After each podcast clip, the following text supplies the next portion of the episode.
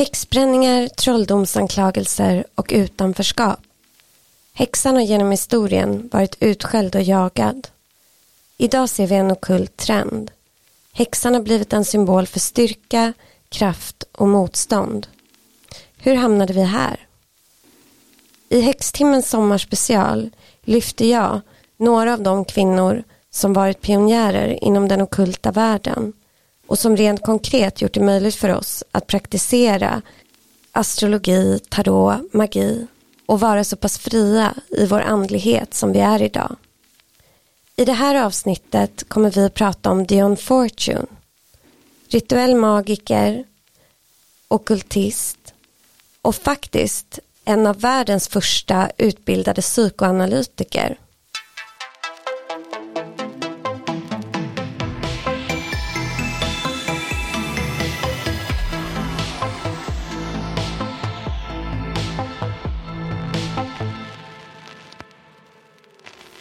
Magi är en mycket enklare sak än vad den populära föreställningen tror att det är. Det är en teknik för att använda sig av och ge riktning åt de astrala krafter som är den omedelbara orsaken bakom den synliga världen. Det ni hörde nu är Dion Fortunes sätt att förklara magi. Något hon fick kritik för av samtida mystiker som ville att magi skulle fortsätta vara en hemlighet för de initierade. Vad Dion säger är att magi sker när vi lär oss att påverka de krafter som finns i det astrala planet. Vi kan tänka på det astrala planet som en egen dimension som finns precis över vår egen fysiska och materiella värld. Enligt teosofin och en rad andra mysteriereligioner finns det sju sådana här så kallade plan. Astralplanet är ett av dem. Det är det som är närmast vår materiella värld. Man tror att vår själ korsar astralplanet när vi är på väg mot vår födelse och när vi dör och lämnar kroppen. Astralplanet befolkas av andar och okroppsliga entiteter. Men det är ett lägre plan än det högre plan där de gudomliga krafterna bor. Astralplanet ska framförallt bestå av känslor. Och vi kan nå det astrala planet genom meditation, klardrömmar och när medvetandet på annat sätt separeras från kroppen. Jag hade en vän i barndomen som berättade att hon en gång när hon låg på sjukhus upplevde sig själv sväva ovanför sin kropp i sjukhussängen. Det är en ganska typisk upplevelse av när vi hamnar i astralplanet. Dion Fortune förklarar alltså magi genom att vi när vi genom olika typer av meditation kommer i kontakt med det astrala planet får möjlighet att påverka skeendet där. Det som skapas i det astrala planet manifesteras sedan i vårt materiella plan. Eftersom det astrala planet framför allt består av känslor behöver vi känna medvetet för att komma dit medvetet. Allt händer först på astralplanet och sen på jorden. As above, so below är en vanlig hermetisk sägning som får ett väldigt tydligt budskap här. Dion Fortune var en av Storbritanniens mest framstående okultister och rituella magiker. Hon var även författare. Hon är bland annat känd för att hon arrangerade en andlig motståndsarmé mot Nazityskland. Det här kallades för Magical Battle of Britain. Hon är också känd för att ha grundat den okulta organisationen Fraction of the Inner Light eller Det inre ljuset. Den här organisationen är verksam än idag och hennes idé lever vidare och de har framförallt påverkat vickarörelsen och olika paganrörelser. I Sverige skulle vi väl kalla dessa för hedniska trosrörelser. Namnet Dion Fortune är en variant av det latinska Deo non fortuna som ungefär betyder av Gud, inte av tur. Och det här var Dion Fortunes familjemotto. Hennes farfar satte detta motto efter att han lyckats göra familjen rik genom stålindustrin. Och det innebär alltså att man menar att jag har gjort det här med hjälp från Gud, inte av bara lite tur. Dion Fortune föddes som Violet Mary Firth och hon tog namnet Dion Fortune då baserat på familjemottot i vuxen ålder. Hon föddes den 6 december 1890 och är enligt vad astrologer kommit fram till våg i ascendent. Utifrån Dions egna berättelser om sin födsel har man nämligen gissat fram den här tiden. Hon är även vågmåne och i solen är hon skytt, vilket då är mer säkra placeringar. Dion har också ett stellium i skytten med sol, Venus och Merkurius. Så här kan vi se framför oss en modig, driven, äventyrslysten skyttperson som samtidigt strävar efter vågens balans, lugn och harmoni. Redan vid Dions födsel så är saker lite andliga eller kanske lite märkliga. Hon är enda barnet i en välbärgad medelklassfamilj i Wales. Och hon verkar ha varit väldigt sådär omhuldad. Hennes pappa är advokat och hennes mamma driver ett healing spa. Dion, eller då Violet som hon hette vid den här åldern, var sjuk när hon föddes. Och enligt henne själv så dog hon när hon var fyra månader gammal. Men hennes mamma vägrade acceptera dotterns död och satt en hel natt med sin döda dotter i sin famn tills det här bebisen återuppstod på morgonen. Enligt Violet så var hon inte längre samma själ som hon hade varit nu när hon återföddes. Utan den här bebisens själ lämnade kroppen och istället klev en 33-årig person in i bebisens kropp och blev då den Violet som vi sen lärde känna. Hon visade mediala tendenser redan som barn och hade väldigt tydliga så tidigare livminnen. Och den här nya själen som då den 33-åriga själen kände sig inte bekväm med namnet Violet och kände sig äldre än sin ålder. Vi kan tänka att hon var lite lillgammal kanske.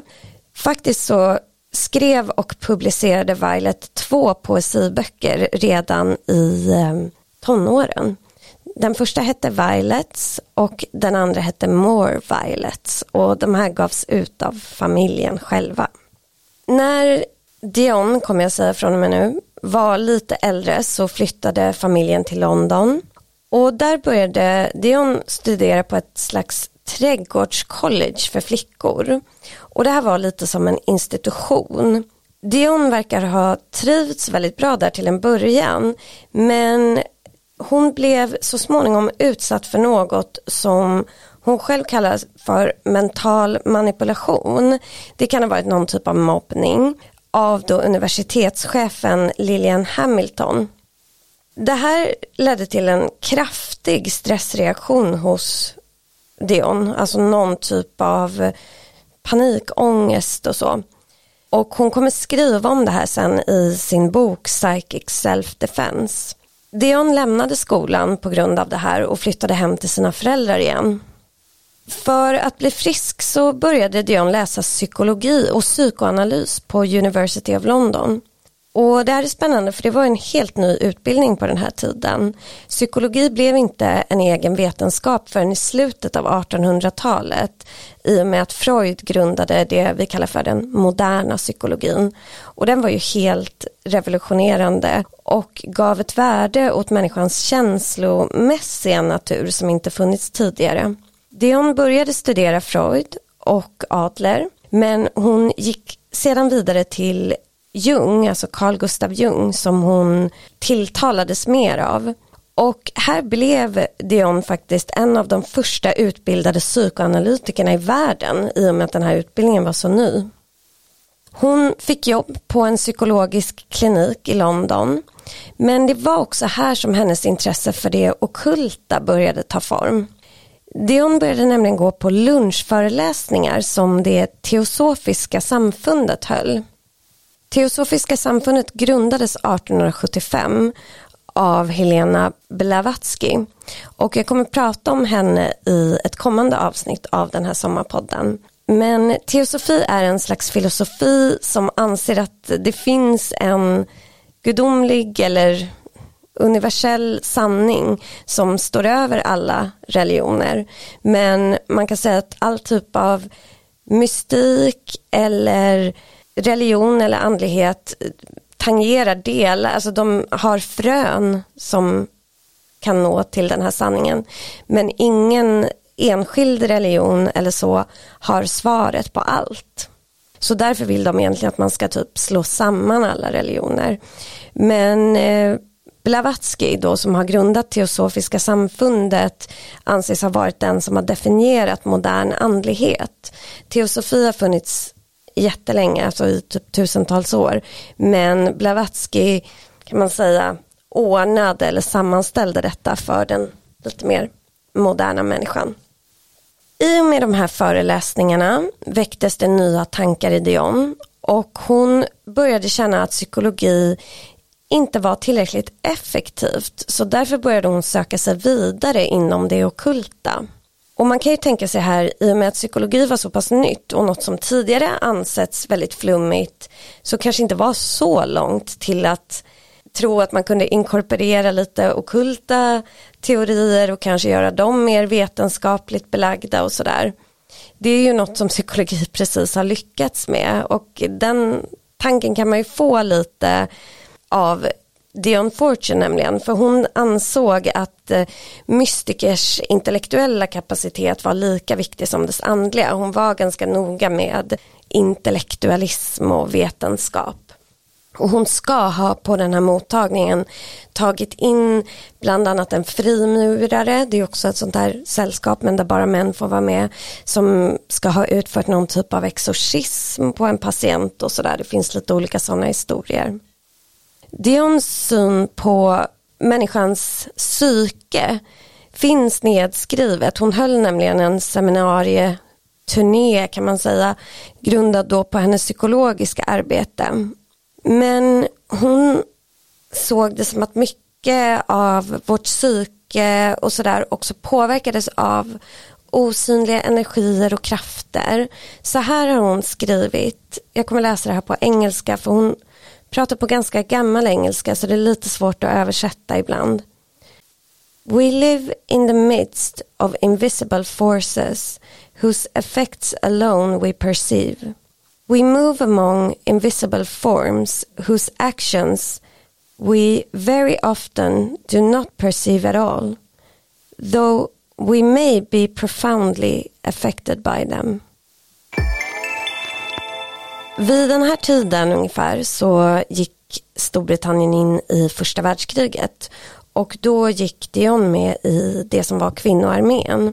De var ju inte ute och krigade men de hjälpte till med olika saker. Och eh, Dion placerades på en experimentell matfabrik där de bland annat gjorde sojamjölk. Och det här är bara en lite kul bisak. Men Dion ska faktiskt ha varit först, enligt henne själv, eh, den som provade att göra ost av sojaprotein. Och hon blev ganska inspirerad av det här och skrev Sojabean An appeal to humanitarians där hon resonerade om ifall det är bättre med vegetarianism och så och inte äta så mycket kött och djur. Under kriget och den här tiden så utvecklade Dion sitt intresse för det okulta och hon initierades i en orden som hette Alfa Omega. Det var en slags undergrupp till Golden Dawn. Golden Dawn var ett okult sällskap som hade väldigt mycket inflytelserika medlemmar. Och de bygger på en hermetisk lära. Det är därifrån tarotkorten som vi använder idag kommer och mycket av magiska tankar kommer ifrån. Dion tyckte att Golden Dawn hade blivit för trött trötta kan man säga efter första världskriget och hon var inte så imponerad över hur de utförde ceremoniell magi. Hon lärde sig dock väldigt mycket om hermetisk kabbala som hon sen skrev en bok om. Och hon började använda sitt nya namn, Dion Fortune, efter då det här familjemottot. Det här var ju en ganska brutal tid. Första världskriget följdes av spanska sjukan. Man kan nästan säga att en hel generation av unga män dog, för de dog ju då i första världskriget. Och eh, spanska sjukan gjorde tydligen mest unga människor sjuka. Och det här var ju såklart fruktansvärt men i all den här smärtan så gav det kvinnor en viss självständighet. De fick utbilda sig för att de var tvungna att ta över vissa arbeten, platser på universiteten var tomma. Det här var också en tid då många sociala normer och sådär prövades och kanske förintades eftersom man kunde se att de gamla inte direkt hade varit så duktiga med sina idéer. Allt hade ju misslyckats.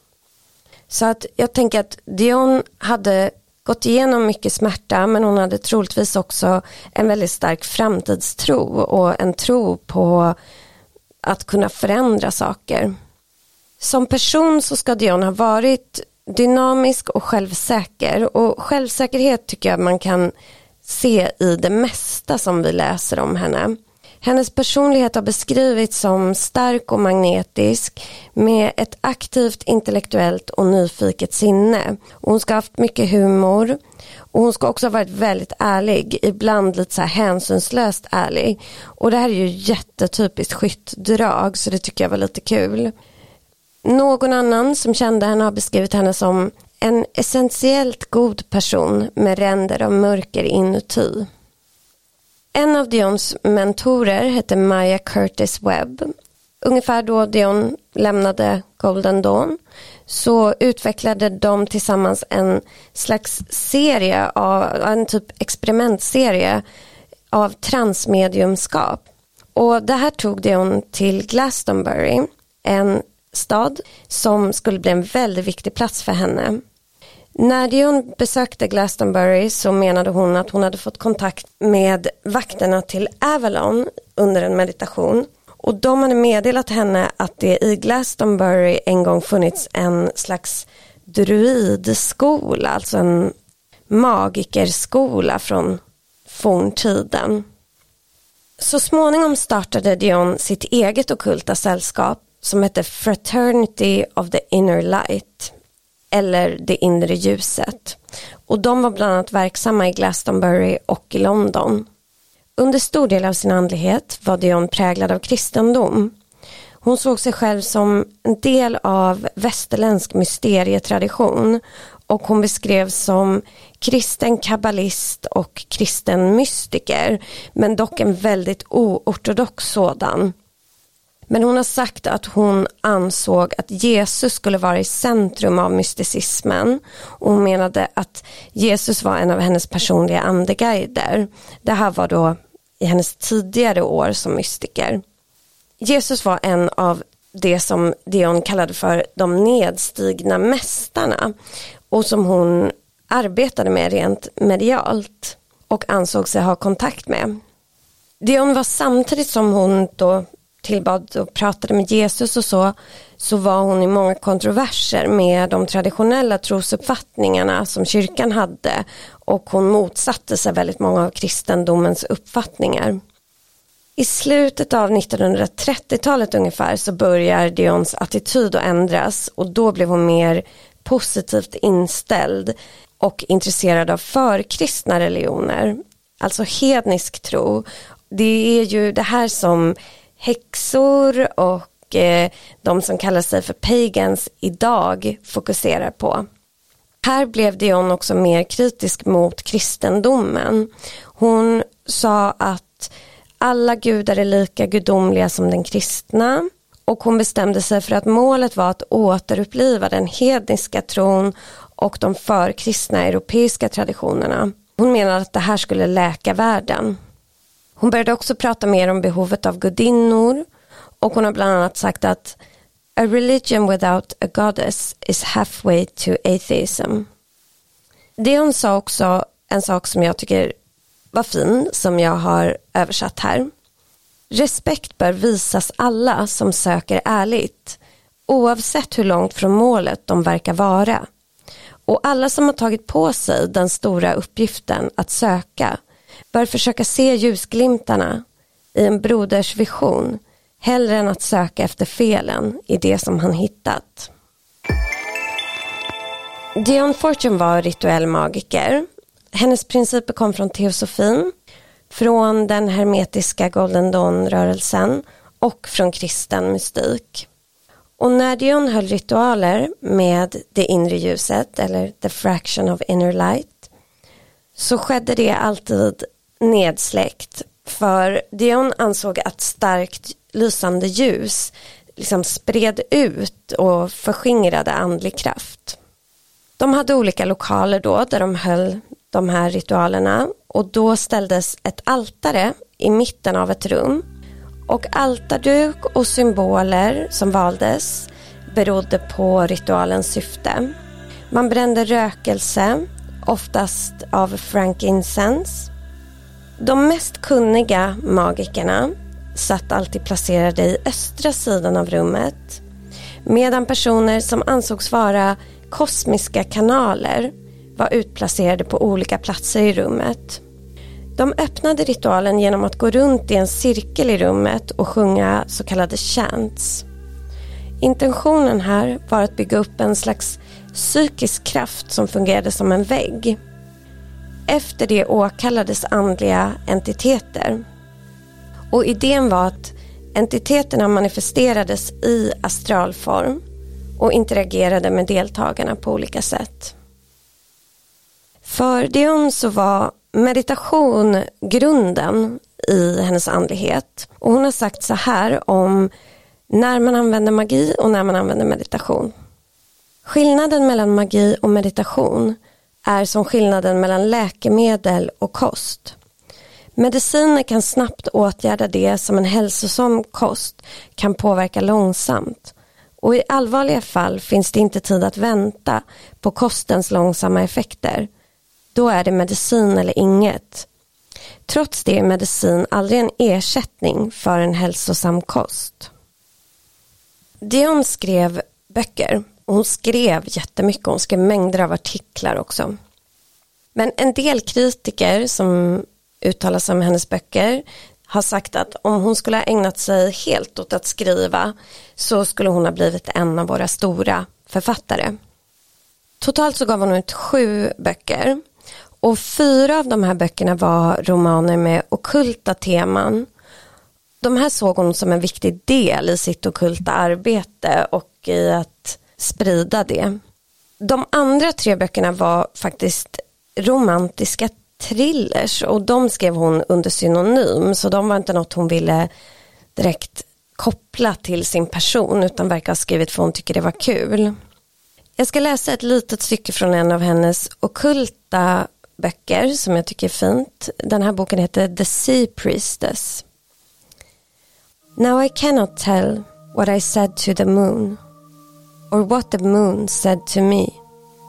But all the same I got to know her very well.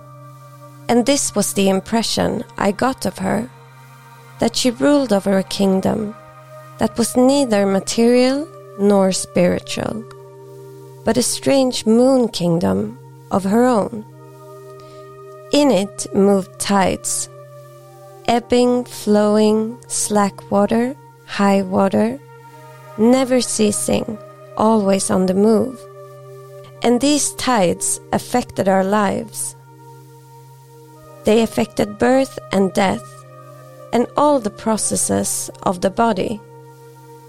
They affected the mating of animals and the growth of vegetation and the insidious workings of disease. They also affected the reaction of drugs, and there is lore of herbs belonging to them. När andra världskriget började 1939 så stannade Dion i London. Hon var inte längre ung och eh, kunde inte medverka i kvinnoarmén som hon gjort under första världskriget. Men Dion bestämde sig istället för att använda sina okulta förmågor och forma en andlig armé. Hon skapade här något som har blivit känt som The Magical Battle of Britain. Dion ansåg ju att kriget måste vinnas på astralplanet först för att sen kunna manifesteras på det materiella planet. Ni vet hennes idé om att allt först sker i det astrala känsloplanet och sen på det materiella planet där vi befinner oss i vaket tillstånd. Kända magiker och mystiker som Aleister Crowley, James Bond-skaparen som även var faktiskt med i Storbritanniens underrättelsetjänst, Ian Fleming. Och han var också då okultist. De ska ha deltagit i de här ritualerna. Under kriget så fanns restriktioner kring vad man fick se, så reserestriktioner. Så att Dion kunde inte hålla ritualer med sitt sällskap på vanligt vis. Istället började hon skicka ut brev till alla sina medlemmar om att de skulle på en given tid utföra en ritual hemifrån och alla skulle göra detta samtidigt. Det här skedde varje söndag under hela kriget klockan 12.15. Dion själv träffade några erfarna mystiker och magiker och höll de här ritualerna i London varje söndag samtidigt som alla medlemmar gjorde det då över hela landet. Breven skickades varje onsdag med instruktioner för söndagens ritual. De här breven finns sparade. Det blev ju rätt många i och med att kriget pågick under några år. Och de finns sparade i en bok som heter The Magical Battle of Britain. I de här breven så instruerade hon alla att sätta sig i meditation då 12 och 15 varje söndag. Och det var väldigt tydliga instruktioner. Här är ett exempel. Då skulle de sätta sig med fötterna ihop och händerna skulle vara knutna. Och det här var för att man skulle skapa en sluten krets av energi. De skulle sitta vända mot London och först så skulle de andas djupt och göra en kort paus efter varje inandning och utandning. Det här är ju ett sätt att komma in i, ett meditativt tillstånd. Sen skulle de visualisera en symbol för den här meditationen och de här varierade ju då för de olika veckorna. Och de skulle se den här symbolen i sitt inre öga och så skulle de behålla den här symbolen i det inre och låta tankarna tystna. Och här skrev hon också att det är viktigare att du känner än att du resonerar nu. Sen bad hon dem att dedikera sig till den här gudskraften, den kraften av allt som är, den här högre kraften. Och sen skrev hon att låt det goda som du nu invokerar komma igenom för alla som litar på de kosmiska lagarna. Varje meditation hade ett specifikt syfte. Hon använde arketyper som kung Arthur med ett svärd, trollkaren Merlin. Det var väldigt så här eh, gamla brittiska arketyper för eh, krig och försvar. Och det här är ju inte kanske så härligt men får tänka på att det var krig. Storbritannien befann sig faktiskt under attack från Nazityskland under perioder. Så här lät en av de här meditationerna. Låt oss meditera kring en änglalik närvaro, rödklädd och beväpnad, som patrullerar längs gränserna till vårt land. Visualisera en karta över Storbritannien och föreställ dig att den här stora närvaron rör sig som en vidsträckt skuggig form längs kusterna. Framåt och bakåt, från norr till söder och öst till väst. De håller vakt så att ingen utomstående kan ta sig in. Och idén var på något sätt dels att befästa vinst från Storbritannien i astralplanet men också att då använda de här ja, nästan patriotiska personerna, alltså Merlin och så, för att, att folk skulle känna det här i, verkligen känna vinst och seger för Storbritannien. Under andra världskriget så öppnades också för första gången sällskapets dörrar för alla som ville vara med och eh, delta i detta. Och då fick ju de möjlighet att lära sig de hemliga esoteriska metoderna som tidigare bara hade varit för initierade. Ordet okult står ju för hemligt. Det här fick hon ganska mycket kritik av, bland annat från Aleister Crowley som ville att det skulle fortsätta vara hemligt. Men jag tänker att Dion bara ville att saker skulle bli bra. Hon fortsatte med optimism genom hela kriget och eh, höll de här ritualerna under hela andra världskriget. Och Dion var övertygad om att kriget skulle följas av Age of Aquarius som vi ska ha gått in i precis nu. Men där såg hon framför sig en mer upplyst tid. Under andra världskriget verkar Dion också ha blivit mer hon verkar mjuknat lite. Hon har tidigt var, tidigare varit ganska elitistisk. Men här så är det som att hon börjar vilja samla mystiker och eh, så. Hon pratade om att man kunde ena alla okultister i Europa och sådär. Hon uttryckte sig mer inkluderande om både häxor och medium. Det finns en hel del personer som anser att eh, Dions magiska armé lyckades skydda Storbritannien. Det är svårt att säga nej eftersom Storbritannien faktiskt aldrig blev invaderat av Tyskland.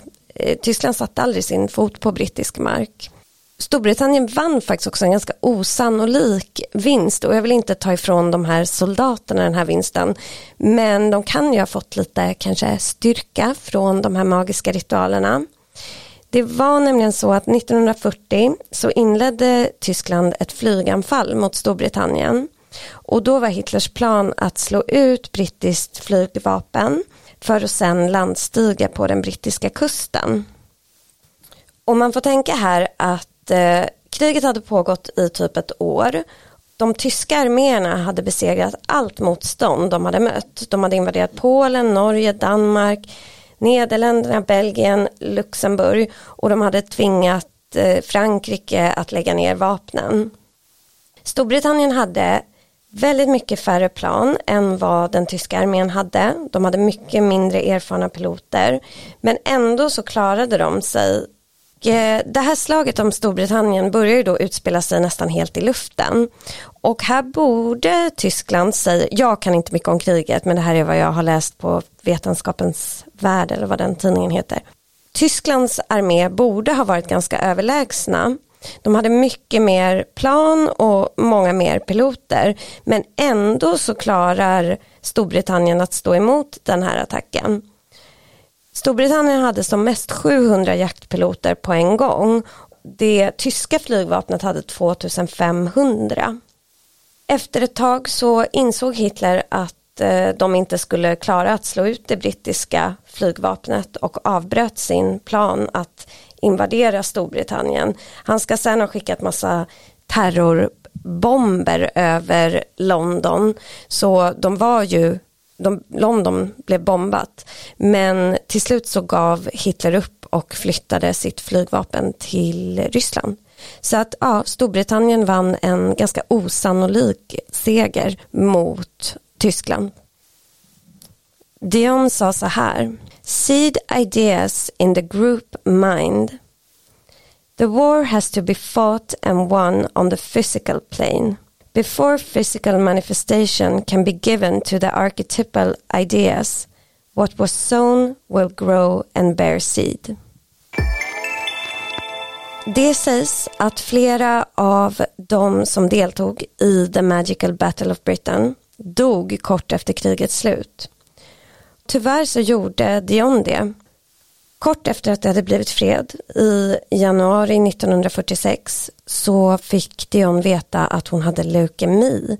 Hon hade inte känt sig särskilt sjuk men hon diagnostiserades med leukemi och dog inom en vecka efter det beskedet vilket ju är väldigt snabbt.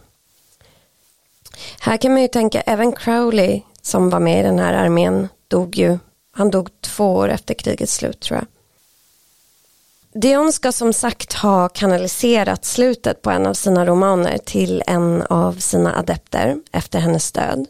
Hon begravdes i Glastonbury där hennes grav finns och där finns också i ett skyltfönster som ett minnesmärke så finns hennes bägare, alltså hennes rituella bägare som man använder i ritualer finns där och den är ganska så vanligt eh, grönt glas som man kan titta på. Hennes sällskap, The Fraction of the Inner Light, fortsatte Dions arbete och de finns faktiskt kvar än idag. En sak som de gjorde som är, känns ju jättehemsk men de ville och Dion ville bli ihågkommen endast för sitt arbete och inte för vem hon var som person. Så att efter hennes död så brände The Fraction of the Inner Light massa foton på Dion och Eh, en massa privata brev och sådär som hon har skrivit. Så där förlorade man väldigt mycket om vem hon var och det här känns ju så brutalt att göra men de hade väl ett rent syfte med det att de ville att hennes arbete skulle tala för sig själv och att det inte skulle bli som någon så personkult kring henne. Men därav så finns det inte särskilt mycket bilder och sådär på Dion. Det finns några som jag kommer dela på Instagram som ni kan titta på. Det hände faktiskt en lite märklig sak när jag började göra research om Dion. Jag började läsa hennes bok Psychic Self-Defense en kväll innan jag skulle sova så sa jag ut till mig själv eller kanske till Dion att om jag ska prata om dig i podden så vill jag drömma om dig i natt. Den natten så drömde jag om Dion hela natten igenom. Jag började med att drömma om att jag ställde hennes horoskop. Men sen ändrades drömmen.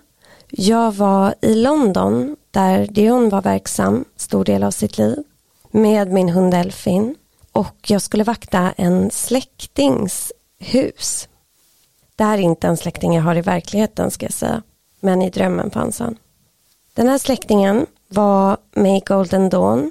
I drömmen så gick jag och Elfin och la oss i det här huset och jag vaknade på natten. Jag steg upp och gick ut till balkongen av den här släktingen hade jag fått en slags invokation, en, eh, en mening man ska säga för att få någonting att hända som han hade fått av Dion. Jag läste upp den här meningen och framför mig så öppnades hela himlen och blev som en väldig kosmisk portal. Det var det vackraste jag sett.